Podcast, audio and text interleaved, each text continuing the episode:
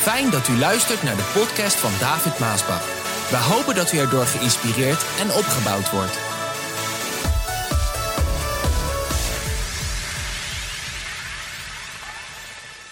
Gespaard worden is niet vanzelfsprekend. Ja, dat schreef ik op. Gespaard worden is niet vanzelfsprekend. En, zo dacht ik, dat ga ik ook de titel van de boodschap maken. Want ik begon daarover na te denken. Wat dat allemaal gekost heeft. Dat wij avondmaal kunnen vieren. Eh, dat wij gespaard worden. Want dat is toch eigenlijk ook het avondmaal. Gespaard worden. Gespaard worden is een geweldig iets. En toen moest ik denken, en ik sloeg mijn Bijbel op en ik ging zo die hoofdstukken weer doorlezen over het volk van Israël. En ik denk de meesten die kennen wel een beetje de geschiedenis. En zeker degenen die misschien dat op school vroeger al hebben gehad.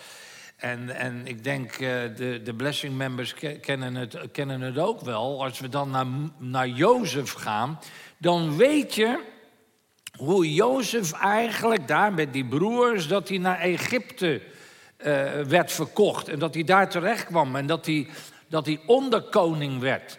En dat hij die, die geweldige dromen kon uitleggen aan Farao over die zeven vette jaren en die zeven magere jaren. En dat Farao hem dan eigenlijk tot onderkoning maakt op één dag vanuit de gevangenis op de troon van de onderkoning. En dat hij dan wordt aangesteld om al dat graan te gaan verzamelen. Omdat er een grote hongersnood zou komen. We hebben hier een paar weken geleden nog over gesproken. En dan, als dan dat hele gebeuren met die broers achter de rug is, eh, dan komen zijn broers en zijn vader, die komen dan naar Egypte toe. En die mogen daar dan wonen. En dan moet je zo zelf weer lezen, even zo die paar hoofdstukken in Genesis. Prachtig verhaal. Um, dan gaan ze dus wonen in Egypte. En alles is wel, alles is goed. Er is eten in overvloed. Ze krijgen hun, hun vrouwen, kinderen. En zo komt dat gezin van vader Jacob, de vader van Jozef, komt dus in Egypte te wonen. Terwijl alles goed was. En de naam van Jacob wordt dan ook ergens, dat was daarvoor al, veranderd in Israël. God verandert de naam van de vader van Jozef, die heette Jacob, die verandert die in Israël. En zo heet dus eigenlijk Jacob Israël. En zo komt Israël dus te wonen in Egypte, terwijl alles nog wel en goed was. Maar dan als je verder gaat lezen, dan gaan de jaren voorbij. Men heeft dat gebied daar, Gozen, daar woonde, dat, uh, uh, daar woonde Israël. En dat, dat, dat gezin met, met zoveel kinderen, dat breidde maar uit, breidde maar uit. En dan op een gegeven moment dan sterft ook Jozef. En dan sterft dat nageslacht en de jaren gaan voorbij.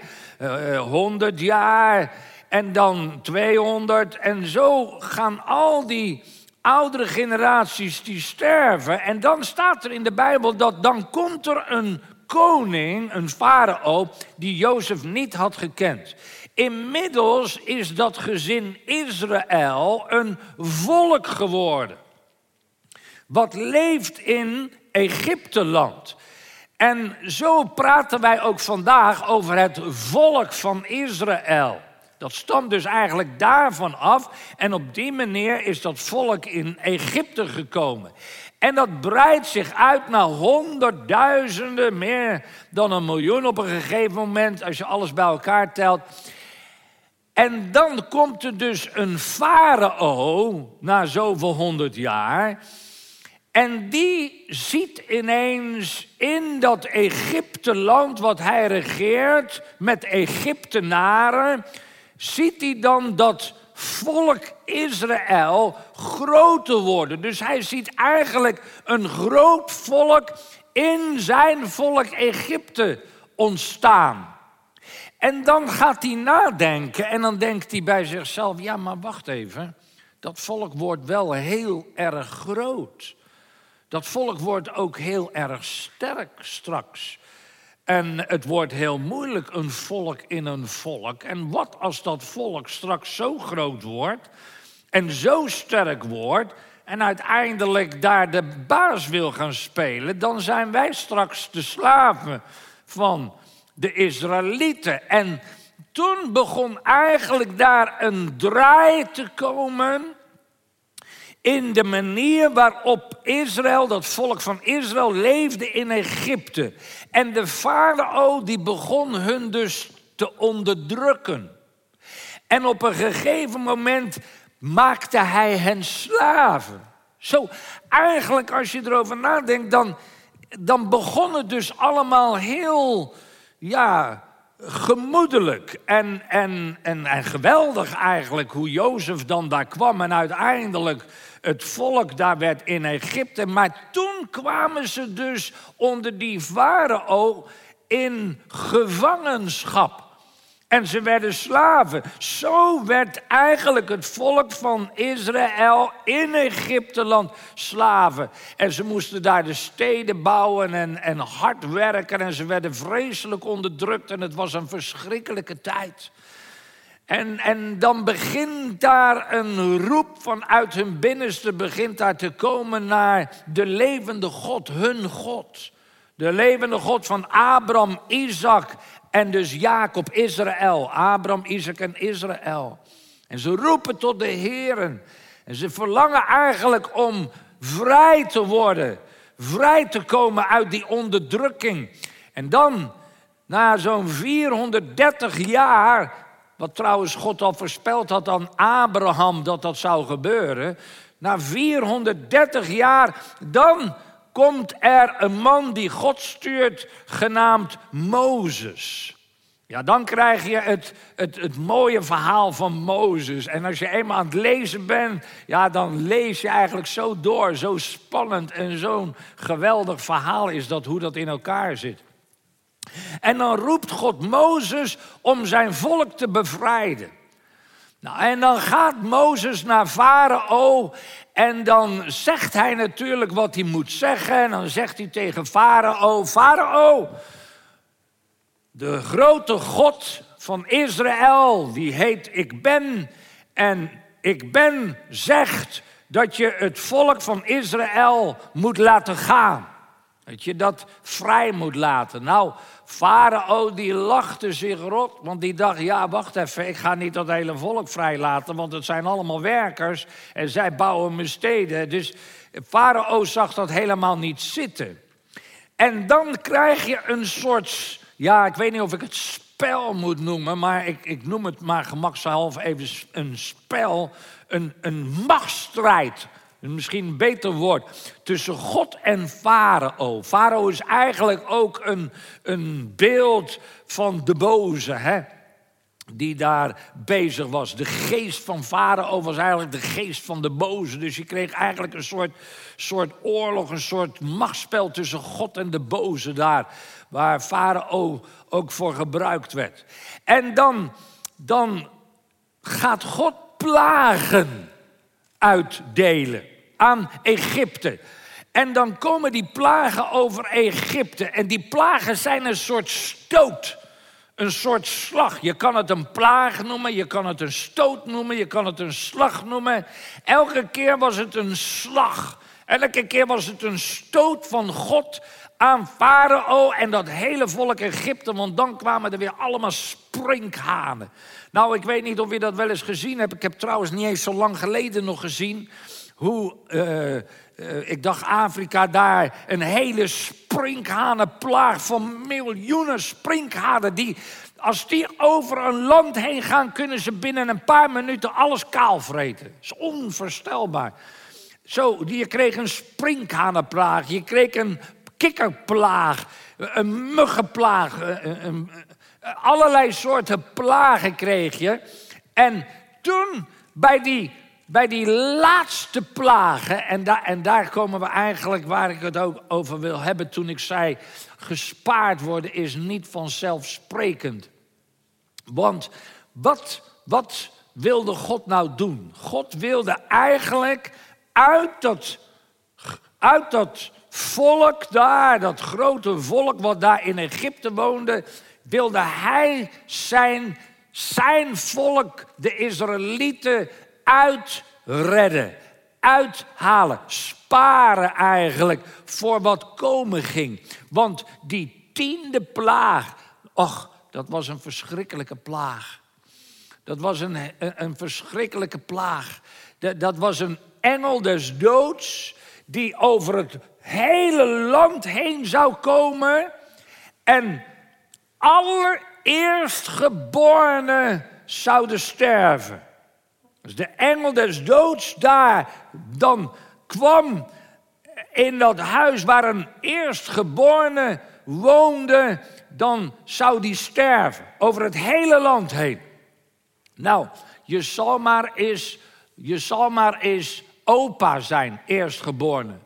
En zijn zoon, vader, eerstgeborene. En zijn zoon, eerstgeborene. En zijn zoon, kleinkind, eerstgeborene. Je zal er maar vier, vijf hebben, eerstgeborene. En dan sterven ze allemaal, notabene. En eerstgeborene, het is verschrikkelijk wat daar over dat land zou komen. Maar dat was die laatste stoot die God zou geven, die laatste plaag die God zou geven, waarvan hij wist, als, als dit gebeurt, dan zal Farao zal mijn volk laten gaan. Maar in die laatste stoot, zo gezegd, daar woonde ook het volk, zijn eigen volk, de Israëlieten. En dan dan geeft God een geweldige instructie. Oh, wat vind ik dit zo mooi als je het gaat begrijpen. Hij geeft een instructie. Dan, dan zegt God tegen Mozes: Mozes, luister. Er komt nog één, één plaag, er komt nog één stoot, er komt nog één slag. En dat is een, werkelijk een, een, een, een genadeslag. Ja, dat is eigenlijk wat je vandaag zegt. Een genadeslag zal dat zijn. En uh, het zal zo snel gaan dat ik wil, ik, ik, wil het zo, ik wil dat je dit tegen het volk zegt. En ze moeten het heel serieus nemen. Wat zij moeten doen, is een lammetje nemen. En, en, en dan had hij ook nog instructies gegeven. Wat voor lam? Het moest een, een, mannelijk lam zijn, een gaaf lam, mocht niks aan mankeren. één jaar oud. En dat moeten ze dan slachten, dat lammetje. En dan het bloed van dat lam moeten ze nemen met een, uh, ja, dat, uh, vroeger heette dat hyssop. Dat was, een, dat was zeg maar een bosje, een bosje met uh, takken, noem het maar zo even, gemakshalve. En dan moeten ze dat bloed van dat lam moeten ze aan de bovendorpel smeren van hun huis en aan de twee zijposten. En het vlees van dat uh, lammetje mochten ze niet uh, koken, uh, dat moesten ze braden. En, en er waren dus echt belangrijke instructies hè, waar, waar, ze aan moesten doen. En dan moesten ze dat eten. En ze moesten het zo eten dat ze moesten de schoenen aan de voeten hebben en de staf in de hand. Want de volgende dag dan zou Farao het volk laten gaan en dan konden ze uit, uitgaan. Dan werden ze bevrijd. En zo, Mozes die geeft dit dan aan het volk door. En dit is eigenlijk zo mooi wat hij dan zegt tegen het volk, wat hij zegt tegen Mozes. Hij zegt in Exodus 12, vers 12, en mocht je een Bijbel hebben, dan mag je het eventjes zo opslaan. Maar dit is een mooie tekst en dat is ook voor ons vandaag zo mooi met het vieren van het avondmaal. Dan zegt God, want ik zal deze nacht door Egypte gaan en alle eerstgeborenen van mens en dier doden. Ik zal de afgoden van Egypte vernederen. Ik, de Heere, zegt God. En dan zegt hij zo mooi: Het bloed aan de deurposten zal voor mij het teken zijn dat daar Israëlieten zijn. En als ik het bloed zie, sla ik dat huis over. Dus het is zo mooi dat God zegt: luister, ik ga jou sparen uit dat wat nu over het land gaat komen wat verschrikkelijk zal zijn. Ik ga jou sparen. En dat sparen, dat, dat gebeurt dat als jij nou dat bloed neemt en je smeert het aan de posten en de bovendorpel, als dan de engel, de doodsengel voorbij gaat en dat bloed zie, dan is dat het teken, daar wonen Israëlieten. Dat huis ga ik voorbij. Je ziet dus eigenlijk, lieve mensen, dat God hier onderscheid maakt om zijn volk te sparen voor dat kwade wat over het land kwam. En dat zegt God ook. Ik meen in het hoofdstuk tevoor dat het is. Uh, zegt God in, even kijken, Exodus 11, vers 7. Want de Heere staat er, maakt onderscheid tussen Egyptenaren en Israëlieten. De Heer maakte onderscheid tussen de Egyptenaren en de Israëlieten. En dat deed hij dus door de Israëlieten te sparen voor hetgene wat over het land zou komen. En hoe zouden ze gespaard worden? Doordat zij dat bloed van dat lammetje zouden nemen, wat geslacht zou worden. Een onschuldig lammetje zou geslacht worden. En dat bloed zouden ze smeren aan de posten en de bovendorpel. En als dan die engel des doods voorbij zou gaan en dat bloed zou zien, dan was dat het teken, dat huis moet ik sparen. Iedereen die in dat huis is, dat moet ik sparen. En lieve mensen, zo ging het ook. Het ging zo zoals de Bijbel ons vertelt. Het was verschrikkelijk in die nacht. Oh, oh, Die engel die ging door het hele land heen en overal vielen ze als bosjes. Echt waar. Overal verschrikkelijk. Je kon er niks tegen doen. Dat kwam gewoon over het land. Het enige wat je had kunnen doen is dat bloed van dat lam nemen. Als je dat had gesmeerd aan de posten en de bovendorpel, dan was je gespaard geworden. En daarom schreef ik op: gespaard worden is dus niet vanzelfsprekend. Dat kostte een prijs. Dat lammetje moest daarvoor geslacht worden. Eén kant zou je zeggen heel zielig, ja heel zielig, maar het spaarde wel de mensenlevens. En dan, als dat zo gaande is en al dat gehuil door dat hele land heen, verschrikkelijk. Och, och, och, och, och. Weet je waar ik ook zo aan moest denken aan vandaag? Met die, die doodsengel die zo gezegd over de wereld heen gaat. Regina zegt laatst nog tegen mij: David, wat ben ik blij dat de kinderen gespaard zijn geworden. Echt waar. En ik dacht ook: ik dacht, ja, wat ben ik blij dat het de kinderen eigenlijk niet raakt. Want denk er eens bij na, wat had er gebeurd als, als het andersom... Hè? Het zijn nu de ouderen, oké, is ook erg... maar wat, wat had er gebeurd als het andersom zou zijn... in plaats van de ouderen de kinderen? En dat de kinderen bij massa zouden... Verschrikkelijk, ik moet er gewoon niet aan denken, lieve mensen. Maar, maar zo was het wel in die dagen... dat uh, gespaard worden, dat was niet vanzelfsprekend. En dan, dan gebeurt het ook. Dat die nacht is een verschrikkelijke nacht. En dat daar de Israëlieten om ontkomen. En het gebeurt zoals God het had gezegd. De volgende dag. Dan zegt Farao, die roept Mozes. En dan zegt Farao tegen Mozes: Mozes, alsjeblieft, alsjeblieft, pak al je spullen en al je mensen en ga weg. Ga weg. Ga weg hier vandaan. En hij joeg ze eigenlijk weg. En oh, wat een feest was het voor de Israëlieten de volgende dag. Oh, in 24 uur. 24 uur de volgende dag. Het was waar. Ze moesten die staf en de schoenen, want het ging zelfs haastig.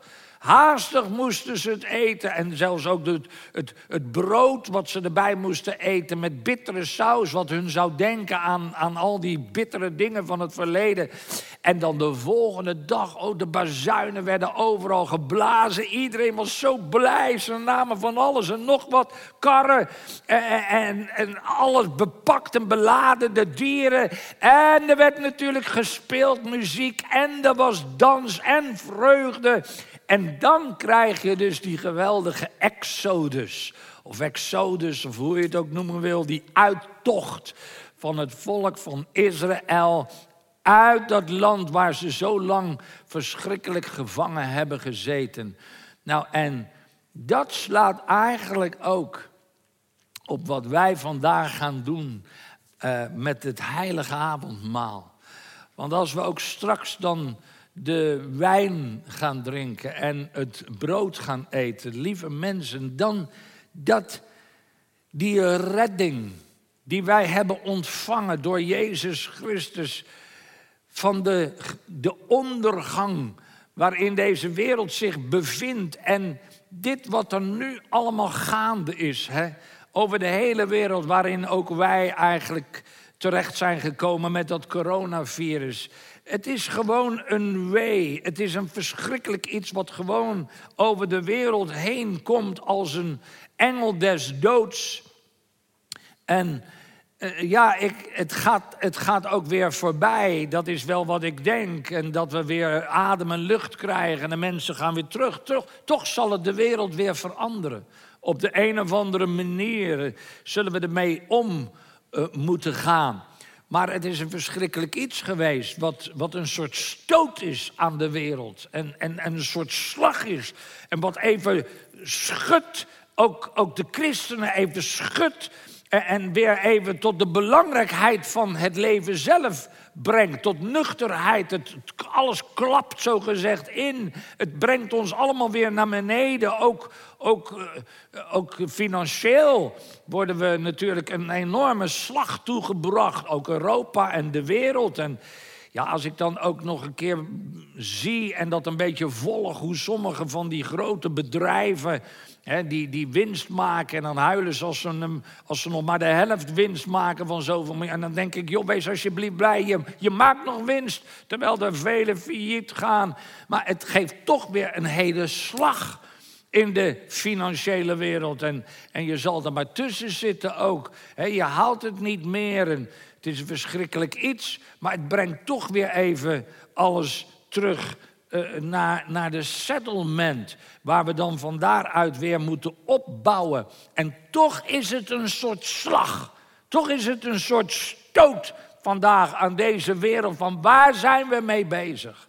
En ik vind dit ook voor de kerk zo belangrijk vandaag, dat deze slag uh, de, de kerk van Jezus Christus wakker schudt. Ben je voorbereid? Ben je voorbereid op wat komen gaat? Nou, ik ben zo blij dat wij voorbereid zijn met de Blessing Kerk. En dat wij door kunnen gaan. En dat we bij je kunnen komen. Dat de kerk bij je thuis kan komen. Dat we heerlijke worship hebben. En, en, en dat we avondmaal kunnen vieren. Dat we door kunnen gaan. Totdat ook Jezus Christus zal wederkomen. Maar de kerk moet ook zo'n zo'n zo even door elkaar geschud worden. Zo'n slag krijgen. Van waar ben je mee bezig vandaag? Waar predik je over? En, en, en, en, ook de leiders van het land, de voorgangers, de predikanten. Wat predik je de mensen? En, en waar ben je mee bezig met de gemeenteleden? Waar, waar leid je ze naartoe? Wat onderwijs je ze? Nou, ik hoop dat het altijd bij ons duidelijk mag zijn dat de boodschap is, Jezus Christus komt weer terug, zoals hij beloofd heeft. En de tekenen der tijden wijzen daarop. Uh, laatst vroeg nog iemand, David, denk je dat we erbij zullen zijn? Uh, nou, hij zei het eigenlijk persoonlijk, denk je dat jij erbij bent als Jezus terugkomt? Ik zeg, luister, ik weet het niet. Ik weet het niet, want we kunnen net zo goed nu weer teruggaan in een fase dat we lucht krijgen, hè, dat de wee voorbij gaat, zo gezegd. En dan, dan wordt het weer even gewoon. Tot, tot de volgende wee. Wanneer de volgende wee is, weet ik niet. Hoe heftig de volgende wee is, weet ik niet. Maar dat we dan weer even teruggaan En dan zal je zien dat de mensen heel gauw weer gewoon alledaagse leven gaan oppakken. En ja, misschien zullen vele kerken dat ook doen. En mijn gebed en wens is juist, word wakker. Word wakker juist. Waar zijn we mee bezig? Waar ben je mee bezig in je leven? Waar draait het om in je gezin? Je ziet, het is één slag. En ik, eh, als ik dan ermee nadenk, dan denk ik, nou, het valt dan toch ook wel weer mee. Het had erger kunnen zijn. Uh, maar goed, het gaat dan weer voorbij. En deze virus gaat ook weer voorbij. En straks zullen we een vaccin krijgen. En dan worden we ingeënt. En dan gaat het leven weer door. Maar lieve mensen, die slagen blijven komen. Net als die tien slagen kwamen totdat die ene genadeklap kwam. Zo zullen deze slagen ook blijven komen. Wie weet wanneer de volgende is. Ben je voorbereid? Leef je in de overtuiging, Jezus komt terug. En tot die tijd zou ik zeggen, blijf heel dicht bij Jezus wandelen. Want alleen daar ben je veilig. Wees bezig, vooral kerk, wees bezig met de dingen van de Heer. En daar bedoel ik eigenlijk mee dat we bezig zijn met de opdracht die Jezus heeft gegeven om anderen te vertellen. En ik wil het ook tegen de leiders zeggen. Pas nog een, van de leiders tegen die zei: U bent toch David Maasburg? Ja. Ik zeg: Ja, ik ben David Maasburg. Oh, jullie zijn wel aardig voorbereid op, uh, op deze dingen, want jullie gaan gewoon door. Ik zeg ja, wij gaan gewoon door, want we zijn voorbereid, inderdaad. En ik zei tegen die uh, voorganger, ik zeg, en jullie moeten jullie ook voorbereiden op zulke soort zaken, want de meeste van jullie zijn helemaal niet voorbereid. Hoe kun je nou de mensen bereiken? Wat kun je nu nog doen? En zo, wij moeten voorbereid zijn. En zo voorbereid moeten wij ook zijn op de wederkomst van Jezus Christus. Hij heeft gezegd dat hij zou wederkomen. Niemand weet wanneer. Laten we dus voorbereid zijn en wandelen in het licht en een licht zijn. En zeker als kerk van Jezus Christus een goede indruk achterlatend op al deze gebeurtenissen die nu gaande zijn. En dat wil ik ook graag met het werk, de Johan Wereldzending en de Blessingkerk. Ik wil een goede indruk wil ik achterlaten op de mensen die hem nog niet kennen. En zo vandaag zou ik zeggen, misschien ben jij iemand die vandaag kijkt voor de allereerste keer, je hebt nog nooit zoiets gehoord als wat je nu hoort. En dan zeg je, ja, maar hoe kan ik dan alles in orde maken met God? Hoe kan ik voorbereid zijn? Nou, door je hart en door je leven aan God te geven. En hoe doe je dat dan? Nou, door een eenvoudig, oprecht gebed. En als je zo iemand vandaag bent, dan mag je dat doen door mij na te bidden. Zeg maar heel eenvoudig, Vader in de hemel, ik dank u voor Jezus Christus.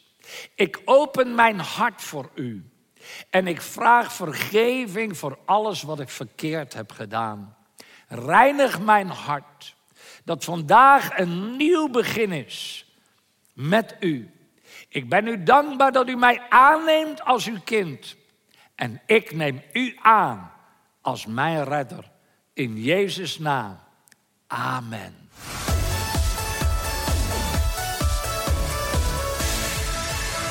Bedankt voor het luisteren naar deze podcast.